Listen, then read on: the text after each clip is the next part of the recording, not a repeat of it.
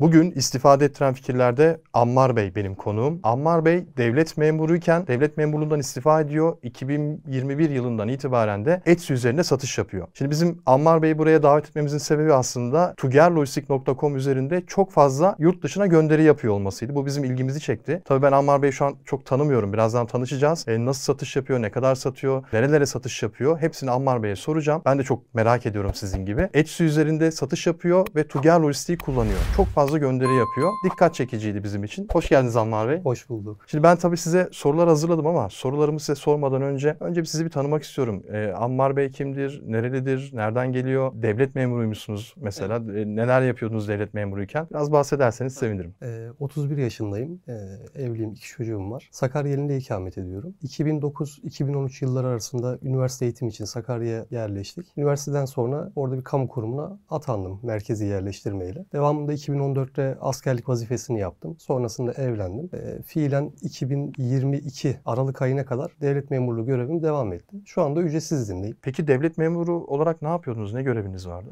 Ben sosyal hizmet uzmanıydım. Çalıştığım kurumda şöyle tarif edebilirim size. E, yardıma ihtiyacı olan, kimsesiz, muhtaç, dezavantajlı grupların sosyal adaptasyonunu sağlamaktı bizim görevimiz. Yani mesela e, genel olarak bilinen huzur evleri, engelli bakım merkezleri, kimsesiz çocukların yerleştirildiği çocuk yuvaları. Buradaki tüm operasyonları operasyonları biz yürütüyoruz. Nasıl adliyelerde bir hakim savcılar vardır, hastanelerde e, hekimler vardır. Bizim kurumumuzda biz sosyal hizmet uzmanları, psikolog arkadaşlarımızla beraber bu görevleri yürütüyoruz. Tabii bu büyük bir sorumluluk da getiriyor peşinde. Hani Türkiye'nin eski sistemi gibi düşünebilirsiniz. Bir başbakan vardır, bir cumhurbaşkanı vardır. Bizim kurumlarımızda başbakan bizlerdik. Yani oradaki tüm operasyonlar bizim kalemimizden çıkıyor. Sonucunda tabii her verdiğiniz karar size bir dönüşü var bunun. Hem maddi hem manevi. Yani hata yapma riskinden uzak durmanız gerekiyor. Çok özenli ve dikkatli olmanız gerekiyor. Vicdani sorumluluğu çok fazlaydı yani. Özetle bu şekilde bir görevimiz vardı. Çok duygusal bir iş bir de. Evet, aynen öyle. E, nerelisiniz? Kahramanmaraşlıyım. Ya yakın zamanda deprem oldu biliyorsunuz. Orada aileniz, yakınlarınız, arkadaşlarınız var mı bir kayıp? Benim anne babam, kardeşlerim zaten benimle beraber Sakarya'da ikamet ediyorlar. Akrabalarım var, amcalarım, babaannem, halamlar. Yani çok şükür bizim oturduğumuz ilçede çok fazla bir e, yıkım olmadı. Zaten depremin hemen akabinde de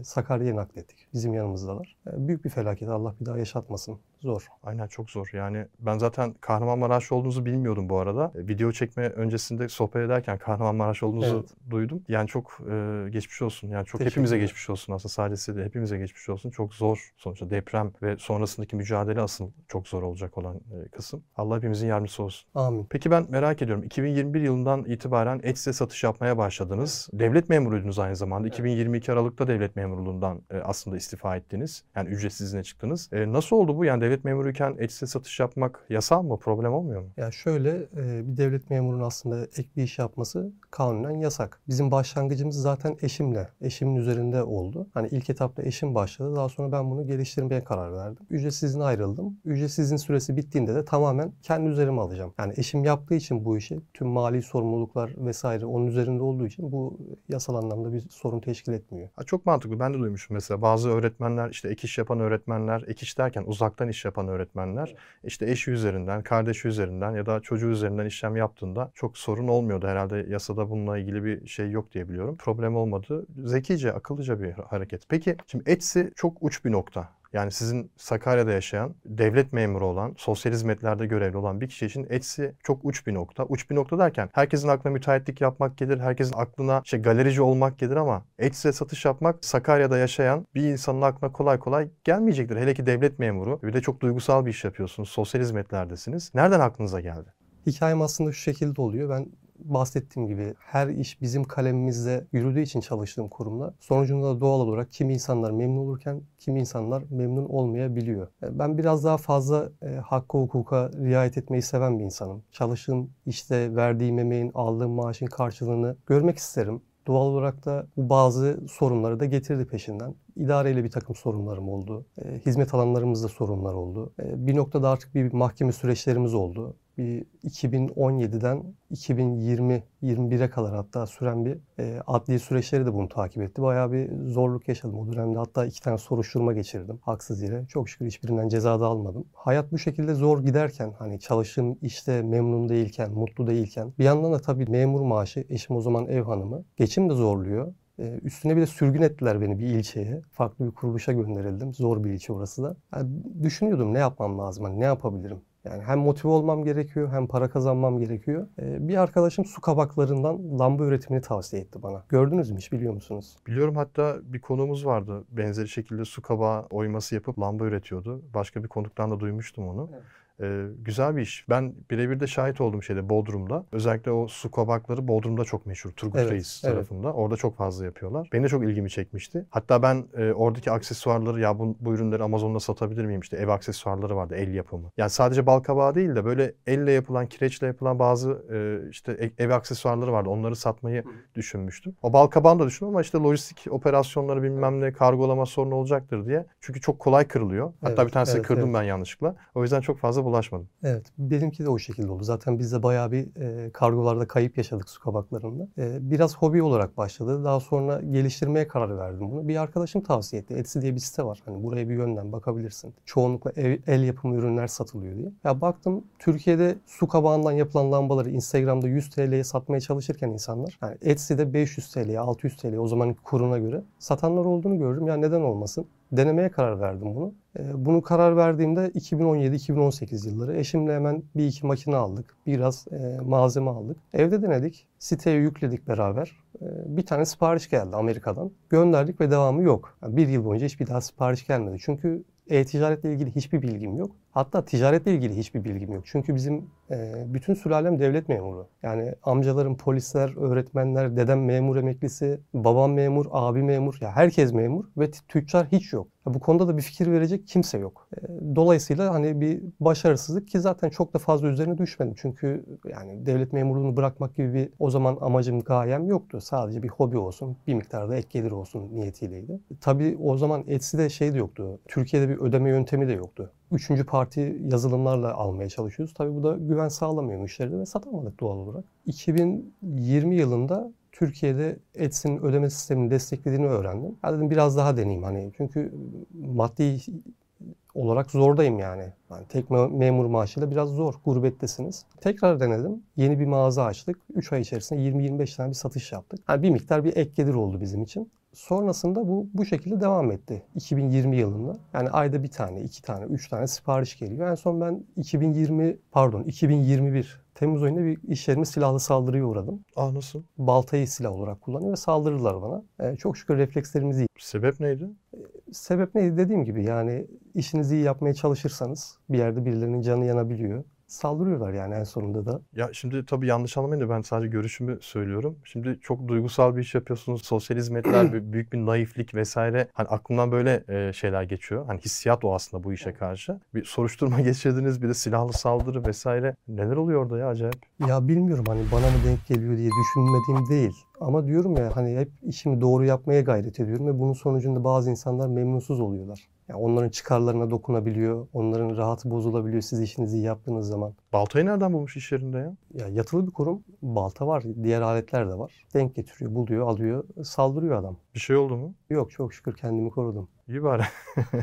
Peki sonra ne oldu? Yani Etsy tarafından devam edelim. Ee, o olaydan sonra artık tamam dedim yani bu idealistlik buraya kadar. Yani 8 yıl ben bu mücadeleyi verdim. Hani işimi iyi yapmaya çalıştım. Gücüm kuvvetim yettiğince. Ama sonucunda hep çok zararlar da gördüm. Yani hem maddi anlamda çok kayıplarım oldu. Hem manevi anlamda çok yıprandım. Bir yanda ailem var, eşim var, iki çocuğum var. E, hayat orada da devam ediyor. Sadece işten ibaret değil. E, iş yerinde mutsuzum. Sonucunda da bu olaydan sonra dedim ki tamam artık devlet memurluğu buraya kadar. Ki zaten geçmişte ben yüksek lisans deneyimim de oldu. Yok yani hani çıkmam lazım artık bu burayı kapatmam lazım. Etsy'ye girdim. Ne yapabilirim? Hani araştırıyorum. Bir YouTube'da videoya denk geldim. YouTube'da videoyu çeken arkadaş Amerika'da bir Türk satıcı ve çok ciddi cirolara ulaşmış. Anlatıyor diyor ki işte Etsy'de satarsınız. Satılmayacak bir şey yok. Yeter ki siz pazarlamayı bilin. Dinledim dinledim ya ben herhalde bu su kabaklarını güzel pazarlayamadım diye düşünürken videonun sonlarına doğru yeni bir cümle ekledi sunumuna. Dedi ki ya kardeşim bazen de satmıyorsa satmıyordur. Vazgeç bundan. Bu cümle ilgimi çekti ya. Ben bir senedir bunlarla uğraştım ve hani ayda 3 tane 4 tane satıyor. Ki sadece ben değil diğer su kabağı ürünleri satan kişilerde de durum aynı. Mağazaları da inceliyorum. Herkes de aynı durum. O zaman dedim ürünü değiştirmek lazım. E ne satacağız? Etsy arama motorunda ahşap yazdım. Wood. E, lise yıllarında ben mobilyacılık yapmıştım yaz tatillerinde. Oradan bir ahşaba ilgim vardı zaten. Ahşap yazdım. Çıkan ürünleri tek tek inceliyorum. İşte bildiğiniz gibi bardak altlıkları, kesme tahtaları gibi çeşitli ürünler çıkıyor. İçlerinden bir tanesi ilgimi çekti. Ha, baktım bu biraz daha farklı diğerlerinden. İyi renkte araştırmasını yaptım. Hani analizini yaptım. Mesela bardak altlıkları çok fazla rekabet olan bir ürün. Ya dedim burası zor. Rekabet hani ben kırmam çok zor çünkü elde bir sermaye de yok zaten. Bir atölye de yok adam akıllı bunu üretebileceğim. Farklı bir ürün buldum. Ya düşündüm bunu ben nasıl yaparım? İşte ahşabı şuradan temin edeceğiz. Bunun kesimini fasonda yaptırmam lazım. Fason nerede keseceğiz? Yeri buldum Sakarya'da. Tek bir tane yer var zaten. Hani onu kesimini ürettirebileceğim makinesi olan tek bir yer var. Gittim görüştüm dedim ya bak ben bu şekilde bir ürün çıkartacağım. Bunun kesimini yapar mısınız dedi. Çizimini getir yapalım. E çizim nereden bulacağım? Biyonluk girdim. Bir tane e, grafiker buldum. Dedim bu ürünü çizer misin bana? Çizerim. Biraz kendimce yorumlar kattım tabii ürün üzerine. Farklılıklar geliştirdik. Çizimi aldıktan sonra fasona gittik. Yani her aşaması zaten zorlukla geçiyor. Fason dedi ki malzeme getir. Biz malzemeyi kendimiz tedarik etmiyoruz. Malzemeciye gidiyorum. Diyor ki ben bir tabakayı götürmem. E, pick-up getir. E, pick-up buluyorsunuz. Malzemeyi oraya indiriyorsunuz. E, numuneyi ne zaman keseceksin? Bir hafta 10 gün sonra plana yazıyoruz. Numune çıkıyor. Kontrollerini yaptım. Revizelerini yaptım. Üzerinde güncellemeler oldu. Ve bir parti ürün çıkarttık oradan. Tabii bu bunun üzerine ben kendim de işçilik katıyorum. İşte bunun zımparası var, boyaması var, verniği var vesaire. Küçük bir 30 metrekarelik bir e, bodrum altı bir yer tuttum. Oraya bir tane zımpara makinesi, bir tane işte tezgah koyduk. Başladım o şekilde. İlk başta bir ürünü 3 saatte üretirken şu anda bahsettiğim üründen günde 60 tane üretiyorum. Bu şekilde 2021 Christmas'ına girdik ve güzel bir ciro elde ettik. Peki şunu merak ediyorum. Siz o imalatı yaparken, üretimi yaparken uğraşıyorsunuz sonuçta. İşte çizim yaptırdınız, el işi. Sonuçta 3 saat uğraşıyorsunuz bir tane ürünle. Oradaki motivasyon neydi yani? Çünkü satış yoktu henüz. Daha henüz listelemediniz ürünü. Daha satışa başlamadınız. Motivasyon neydi oradaki o ürünü yapma motivasyonu? Ya ilk başta motivasyon rızkı veren Allah'tır dedim. Yani ben bu devlet memurluğunu kapatacaksam bir yerden bana bir rızık kapısı açılacaktır. Buna inanıyorum. Bunun haricinde sizden çok motive oldum açıkçası. Yani o Christmas 2021 Christmas sezonunda biz sabahlara kadar eşimle beraber çalıştık. Bir bildirim geliyor. Tugay Akkaya'da yeni bir video yayınlanmış. Bir yandan çalışırken bir yandan da sizi izliyoruz. Ha bakıyorum buraya birçok konuk katılıyor. Birçok şeyler başarmışlar. Ya bu olabilecek bir şey. Hani devlet memurluğu zihniyetini bunu çok tahayyül edemiyorsunuz. Gelen maaş belli, gider belli. Bu şekilde tıngır mıngır yaşayayım. E, riske giremiyorsunuz. Hiçbir şekilde farklı bir harcama planına giremiyorsunuz mesela. Yani çok zor, çok zor. Bütün imkanlar kısıtlı ve ben bunu babadan beri bu kültür oluşmuş bende. O da devlet memuru. Ya bu şekilde sizin videolarınızı görünce iyice motivasyon artıyor zaten. Ya diyorum ki ben bir gün bu devlet memurluğunu bırakacağım ve bu koltuğa gelip oturacağım. Ve bugün gerçekten de o gün oldu. Kısa vadede hayal ettiğim nokta burası. Motivasyonu bu sağladı yani. Zaten sizi daha önceden aramışız. Ben notlara bakıyorum. Ee, şu an devlet memuruyum. Çıkıp gelemem. Gelecekte inşallah gelirim demişsiniz. Evet. Sonra ikinci mesajınızda zaten programımıza konuk olarak katılmak istiyorum. Çünkü geçmişte kabul edemedim. Şimdi artık hani istifa ettiğim için Evet, gelebilirim. Yani o özgürlük var şu anda. Harika. Peki ilk satış nasıl geldi? Yani ürünleri yaptınız, uğraştınız, Etsy'ye koydunuz, listelediniz. İlk satış nasıl geldi? Ya bu ahşap ürünü var ya yaptığınız ürün. Evet. Ondan bahsediyorum. Oradaki ilk satış sipariş nasıl geldi ve o sipariş gelebilmesi için sonuçta bir optimizasyon yaptınız. Uğraştınız, işte çeşitli kaynaklar araştırdınız. Teknik olarak da ne yaptınız? Ya açıkçası şöyle yine çok profesyonel bilgim yoktu. Tamamen farklı mağazaları inceleyerek yapıyordum. E-Renk'ten keywordleri araştırıyorum. Ona göre başlıklar oluşturuyorum, içerikleri oluşturuyorum. Fakat şöyle hatalar da yapıyorum. E, Mesela ürünleri bir profesyonel çekimde çektirmedim. Mesela ilk yüklediğim ürünlerde ürünlerim aslında tam bitmemiş olduğunu fark ettim daha sonra. Hani görsellere bakınca ya şurasını da geliştirmem gerekiyormuş. Ya kesinlikle geliştirilmiş bir ürünle profesyonel fotoğraflarla girseydim e, daha sağlıklı olurdu ama benimki biraz amatörce oldu. Belki de onun kısmetiydi bilmiyorum. E, Birkaç sipariş gelince ya dedim rakiplerime bakıyorum daha fazla satıyorlar. Mağaza yeni, yıldız yok, görseller kötü. Hani hiçbir şey yok. O zaman geliştirmek lazım. Profesyonel fotoğrafa gönderdik. Tabii ürün üzerindeki geliştirmelerimi tamamladım. Profesyonel çekimler yaptırdım. Bunları yükledim. İlk etapta e, reklamlara yüklendim tabii. Düşük fiyat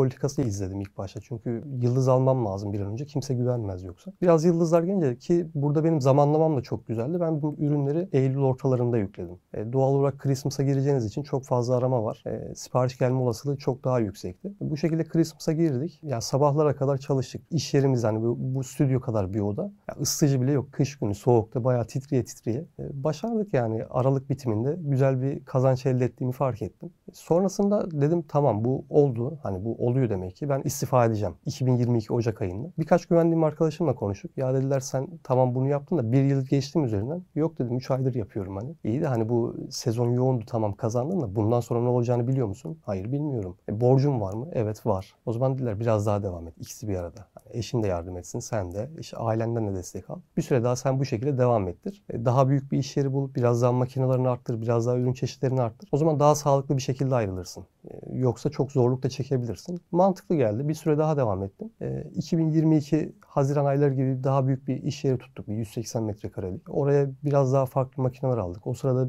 yeni ürünler geliştirdik. Yine ürünlerin geliştirmesi tamamen bize ait. Tasarımları, çizimleri. Tek destek aldığımız yer kesim noktası. Onun çok pahalı bir makinesi var. E, o makineyi henüz alabilecek seviyede değiliz öyle söyleyeyim. E, tek eksik orası. Ürünleri geliştiriyoruz. 2022'de de Christmas sezonu gayet iyi geçince Tamam dedik yani bu iş oldu. Bundan sonra burası bizim için güzel bir ekmek kapısı. Memuriyete devam etmeye gerek yok ve gidip dilekçeyi verdim. Aslında hep büyükler yani eskiler şey der işte gir oğlum sigortalı bir işe çalış da hani işini hayatını garantiye al. Hatta devlet memurluğu da en büyük garantidir sonuçta. Yani her Evet. zaman maaşını gününde alırsın. İşten çıkarılma derdin e, yani yüz kızartıcı bir durumun yoksa yok. E, Yani her zaman garanti. Maaş zammını alırsın. Her şey stabil devam eder ve mantıklıdır aslında e, devlet memuru olmak. Ve finansal özgürlük dediğimiz şey yani tamamen kendi patronun kendinsin. Sen kendin işini yönetiyorsun, kendin yapıyorsun, kendin imal ediyorsun, kendin satıyorsun. İşe istediğin saatte gidiyorsun, istediğin saatte çıkıyorsun. Kararları sen veriyorsun. Başında sana işte bir şey buyuran yok, işine karışan yok, raporlama yapma derdin yok. Ya biz buna işte finansal özgürlük diyoruz ama e, aslında bu böyle de pek değil. Daha çok sorumluluk gerektiriyor. Sürekli işin başında olmak gerekiyor. Şimdi ben sizin Tuger Lojistik panelindeki sipariş sayılarınıza baktım.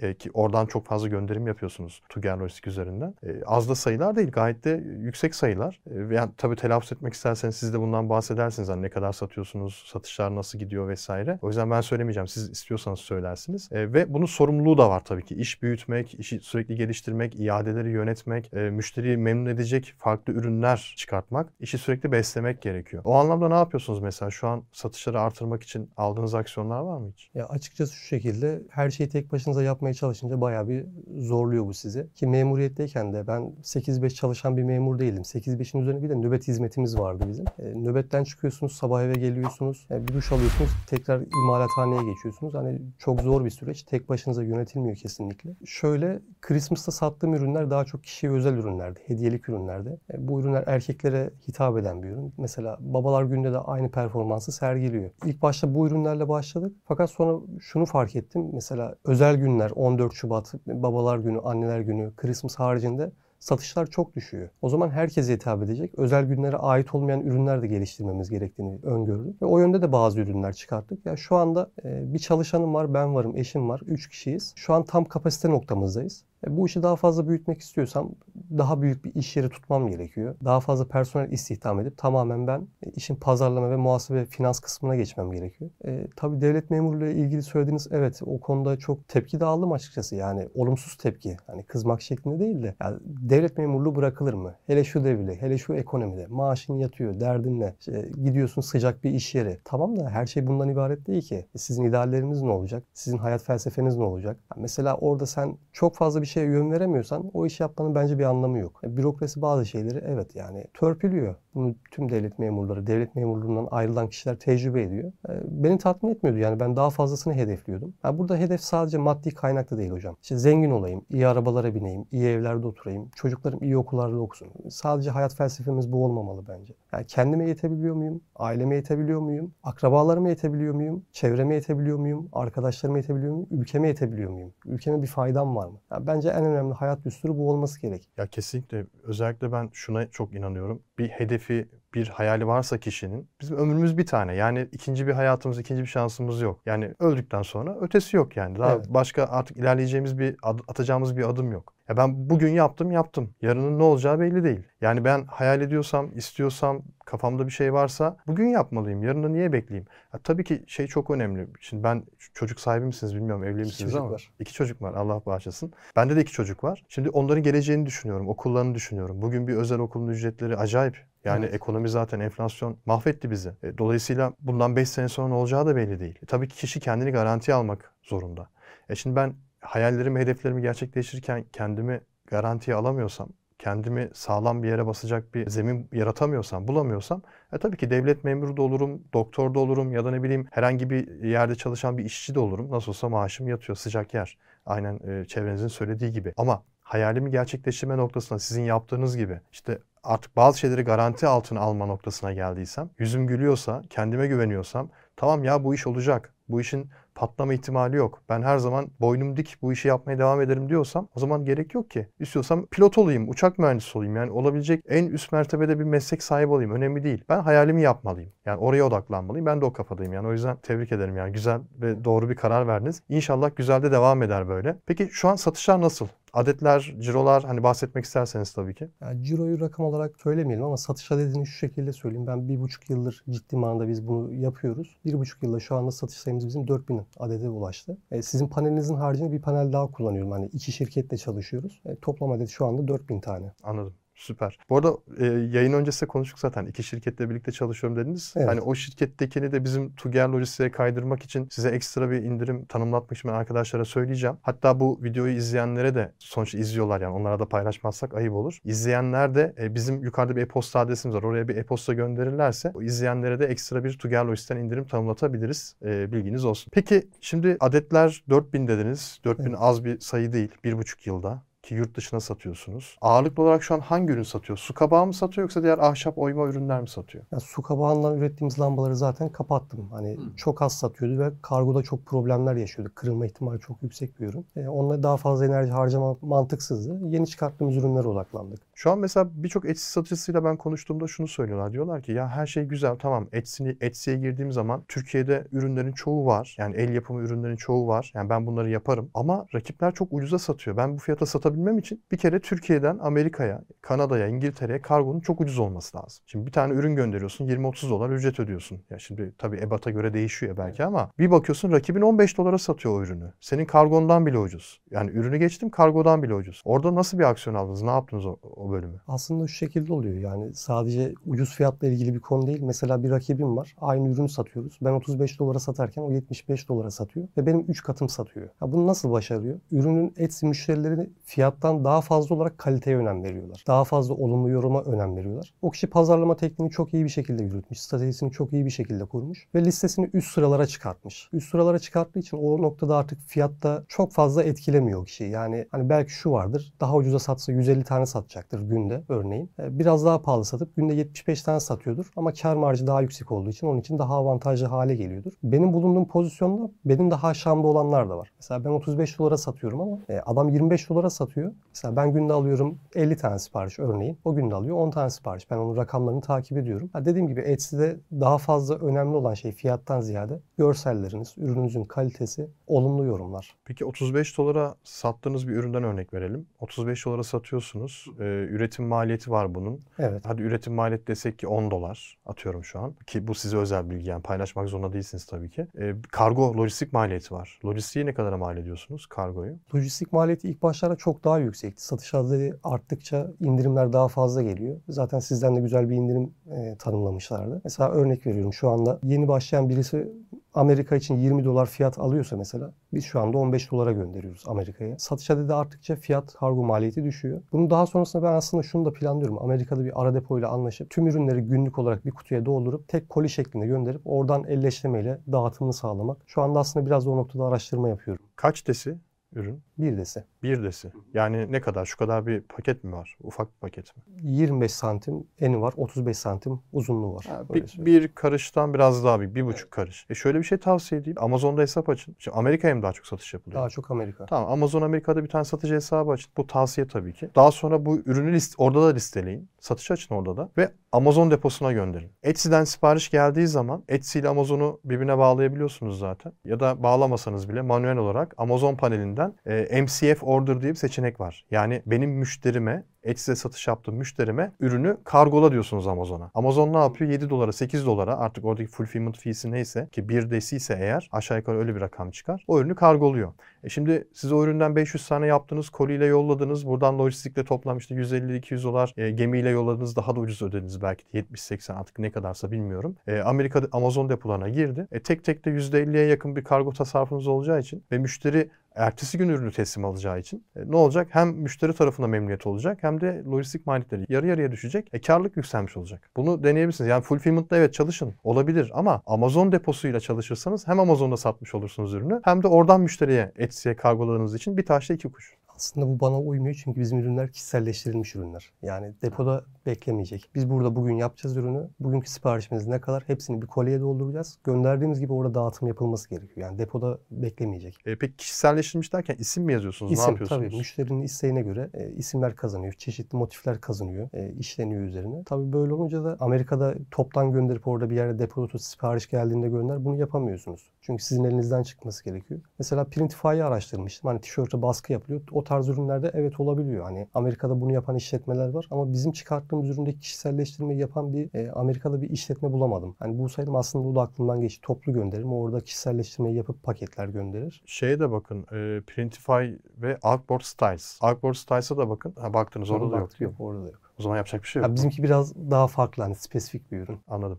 Peki gelecek planı ne? Şimdi 4000 taneyi bir buçuk yıl içinde satmak tamam güzel. Ama her ay satmak ayrı bir güzel olur tabii ki. Bunun için de farklı bir plan gerekiyor. Var mı böyle bir plan? E, Plan her zaman var. Kısa vadede, orta vadede, uzun vadede. İlk hedefim bulunduğum iş yerimi ilçeden çıkartıp büyük bir şehre getirmek. E, makine teçhizatını geliştirip çalışan sayısını arttırıp artık daha fazla ürüne odaklanmayı ilk etapta düşünüyorum. Ya bu planın benim bir yıllık bir plan. Bir sistem kurmam gerekiyor çünkü bu şekilde hani 3 kişiyle nereye kadar büyütebilirsiniz? Büyümüyor zaten. Belli bir noktaya geldik artık bundan fazlasını kaldıramıyoruz da. Kısa vadede bir planımız bu şekilde. Orta ve uzun vadede tabii daha fazla ürün, daha fazla ticaret. Şimdi tabii insanlar merak ediyor. Bu videoyu da izleyip de hadi ben de Etsy'de satış yapayım madem öyle bakayım neler varmış diyen birçok insan olacaktır eminim. Geçmişte de oldu. Ee, siz de bu yoldan geçtiniz sonuç itibariyle. Bir öneriniz, tavsiyeniz var mı? Ya bak ben başladım. Başladığımda şu şu şu hataları yaptım. Siz yapmayın, vakit kaybetmeyin. Direkt bunu yapın, kazanın diyeceğiniz böyle bir öneri tavsiye var mı? Ya tüm hataların hepsini yaptım diyebilirim. Marketten bulduğunuz ikinci el kolye ürün sarıp göndermeye varana kadar, amatör fotoğraflar çekmeye varana kadar hepsini yaptım. Hataları yaptım. E, fakat başlamak önemli. Yani sürekli düşün düşün olmuyor.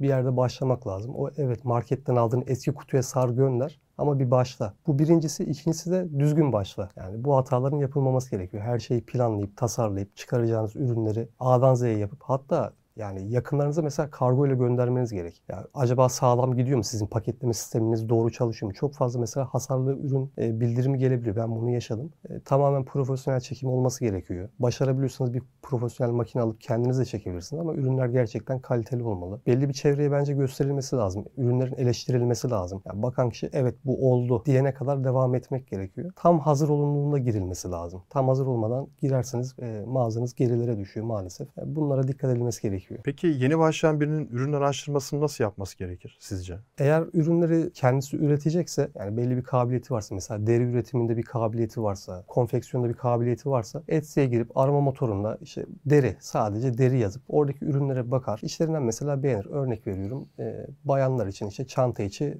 makyaj düzenleyici deriden. Bunu iyi renkten analizini yapar. Rekabet çok yüksek mi değil mi? Hani buna bakar. Arama hacimlerine bakar. bakar. Daha sonrasında karar vererek girebilir. Ama tabii Türkiye'den bir üreticiden alıp satacaksa o kısmını inanın hiç bilmiyorum. Çünkü birkaç kere de denedim açıkçası bunu. Hani bir yerde ürettireyim. Başarılı olamadım. Kendimi üreterek devam ediyorum. Bu şekilde tavsiye edebilirim. Şimdi ben yaklaşık iki yıldır istifade ettiren fikirleri çekiyorum. Bir sürü konuk geliyor. Yüzlerce video, yüzlerce farklı insan, yüzlerce farklı hikaye. E, ve artık gelen yorumlar, izleyenlerin yazdıkları yorumları da okuyorum. O gelen yorumlara göre de artık bu videoyu izleyecek olan kişinin sorularını da aşağı yukarı tahmin edebiliyorum. Şimdi şunu söyleyecek insanlar. Hatta belki söylemese bile kafalarında düşünecekler. Diyecekler ki ya B planı var mı? Ya olmazsa? Ya bu işi başaramazsa? Ya bu iş istediği gibi büyümezse ve e, iki çocuk da var. Evini geçindiremez hale gelirse e, memurla da geri dönemez. Çünkü öyle bir şey var diye biliyorum. Yanlışsam beni düzeltin. Doğru. Çıkıyorsunuz sonuç istifa ediyorsunuz memurluktan. Geri de dönemez. E, ne yapacak o zaman? Yani böyle bir plan var mı hiç? Yani kötü durum senaryosu çizdim şu an ama hani var mı böyle bir plan? Ya